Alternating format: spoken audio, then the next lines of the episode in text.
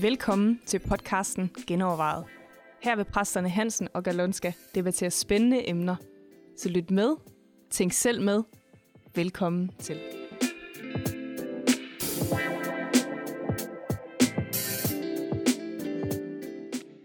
Velkommen til en ny podcast, Genovervejet. I dag handler det om en emnet gengiftning. Vi har lavet en podcast om skilsmisse, og så er det klart, at der dukker spørgsmål op. Når jeg er blevet skilt, kan jeg så blive gift igen? Er der ikke nogen bibelvers, der taler imod det, eller hvad siger Bibelen egentlig om det? Så, hvad siger du, Johnny? Kan man godt blive gift igen, eller må man godt blive gift igen, når man har været skilt?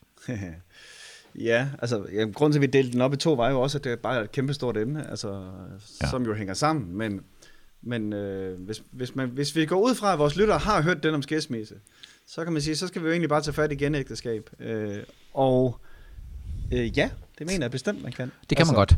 Ja. Øh, dels så kan man sige, at i det gamle testamente er det det er jo hele forudsætningen for at få et skilsmissebrev, det er, at du kan blive gift igen. Altså, Ja. det, det er simpelthen det, der, der forudsættes, at man gør. Øh, I det nye testament er det jo faktisk sådan i romeriet, at det er lovpligtigt, at man er gift.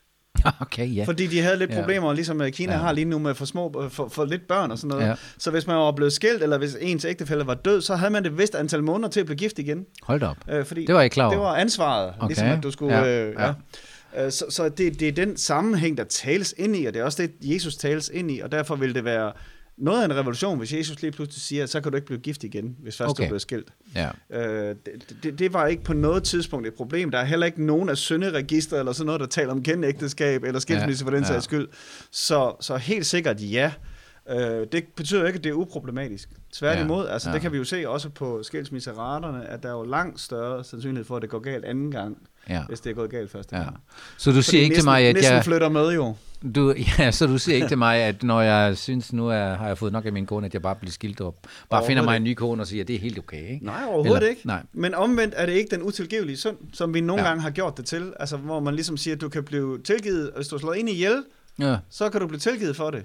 Ja. Men hvis du bliver skilt, så Det kan du ikke. ikke. Nej. Altså, Eller det må du godt, øh, vi kan godt tilgive dig en skilsmisse, inden du bliver troende kristen af, men Ja. når bagefter, så ja, går det ikke længere. Ja, ja, det er næsten endnu Ja, ja, det er værre, endnu der, værre, hvor der er ja. mindre noget for en kristen end for en ikke-kristen. Ja. Og så er der selvfølgelig nogen, der vil argumentere, jamen der er jo nogle konsekvenser, og det er også fuldstændig rigtigt. Der er jo nogle konsekvenser af de valg, vi har truffet, og den synd, der er sket.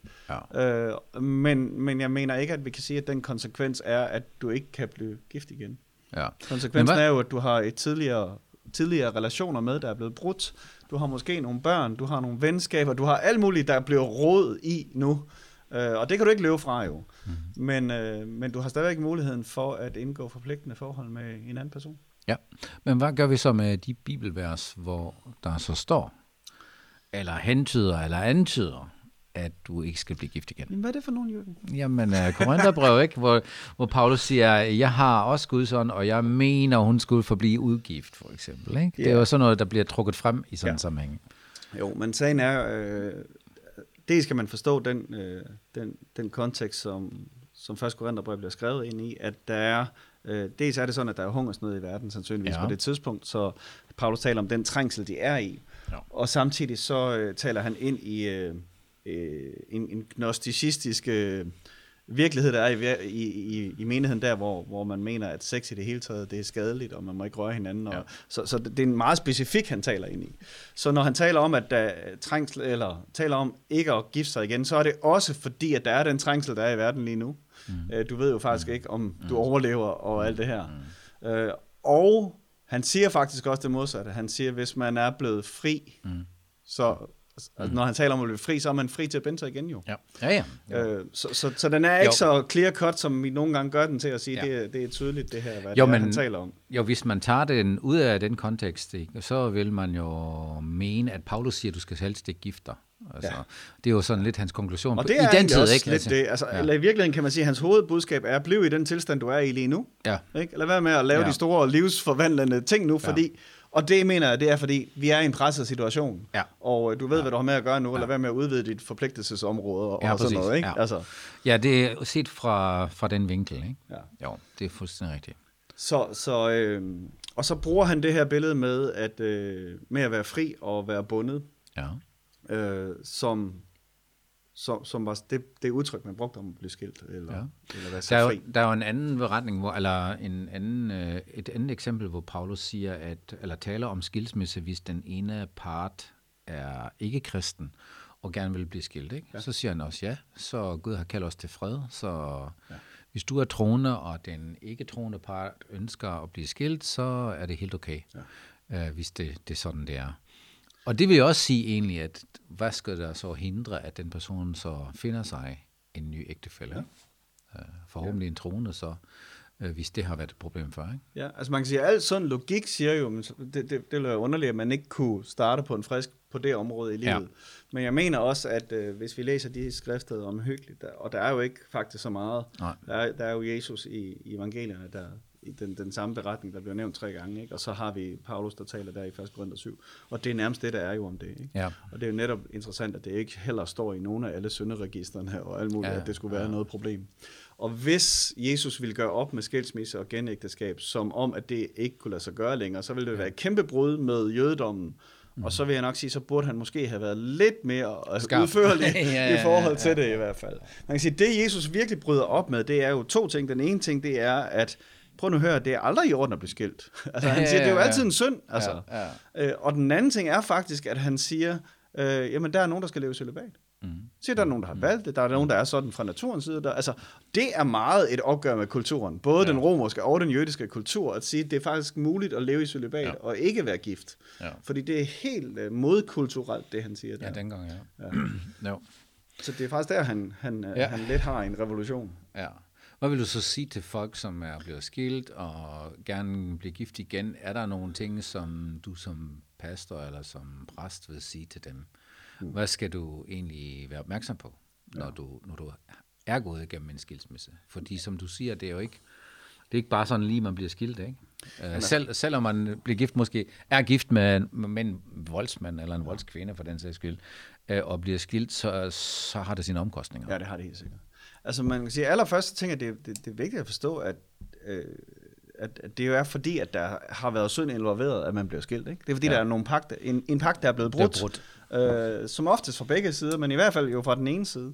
Øh, og, og det må man jo på en eller anden måde tage stilling til, og også få bekendt og få omvendt sig fra, og få reflekteret over, hvad var det, der skete. Og, mm. og den anden ting er, at man skal være opmærksom på, at det er jo, også, det er jo ikke bare en nulstilling, det er ikke bare som at trykke på en triptæller og reset, ja. og nu starter vi forfra. Du har din historie med, du har nogle relationer med, du har nogle sår med. Mm. Øh, alt det slæber du ind i det nye forhold, du kommer ind i. Ja. Øh, og det, den, det, det er vigtigt også for den nye part at vide, at alt det her, det flytter faktisk med ind. Ja. Ikke? Øh, og så må man jo prøve at gribe i egen barm også og se, hvad var det fra min side, der var problemet i den, den, det tidligere ægteskab. Og har jeg fået dealet ved det tilstrækkeligt lige nu, mm. øh, til at jeg kan komme videre i det. Så jeg tænker, det skal i hvert fald være meget åbent og transparent for begge parter, hvad det er, man går ind Jo. til. Øh, fordi der er ingen tvivl om, det er alt andet lige mere kompliceret at blive gift anden gang, end det er første gang. Ja. Så man skal være egentlig meget bevidst om det og give sig god tid, og ikke bare styrte sig ind eller kaste sig ind i et nyt ægteskab. Nej.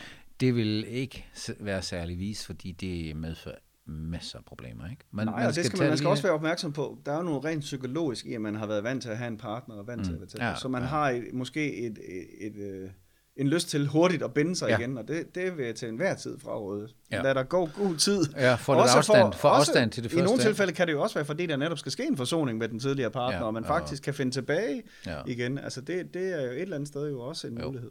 Jo. Øh, Ja, også at inviter- inv- involvere nogle venner og folk, som man er tæt på, Ja. øh, og snakke om tingene og vende tingene Ja. og give sig god tid, ikke? Mm. Ja, for, for at være klar til et nyt ægteskab, hvis det skulle være. Ikke? Ja. Jo. Jamen, øh, så gengiftningen, det er okay? Jamen prøv at høre, det er jo... Øh, jeg vil ikke engang sige, at det ikke er ideelt, fordi det er måske ideelt. Altså det, det, det, for ja. mange... Altså vi er skabt til at hænge sammen, kan man Ja. sige, ikke? Jo. Øh, det er selvfølgelig ikke ideelt, at det, at det er anden gang. Men, Men der er noget, der gør stykker, ikke? Nej. Det er klart. men det er absolut muligt, og jeg mener ikke, at øh, man med Bibelen i hånden kan sige, øh, det, kan, det kan man ikke, eller det er en synd at gøre det. Ja. Øh, jeg mener, med Bibelen i hånden kan du sagtens sige, ja, det er en synd at blive skilt. Ja. Men det betyder ikke, at det er en synd, der ikke Der, men der er ikke altså nogen vej tilbage fra. Ja, præcis. Øh, ja. Ja. ja, det er nok min konklusion. Skal vi ikke lade den ligge der, og øh, vi håber, du har fået noget at tænke på, og øh, har, har dine egne refleksioner over, eller til det her emne.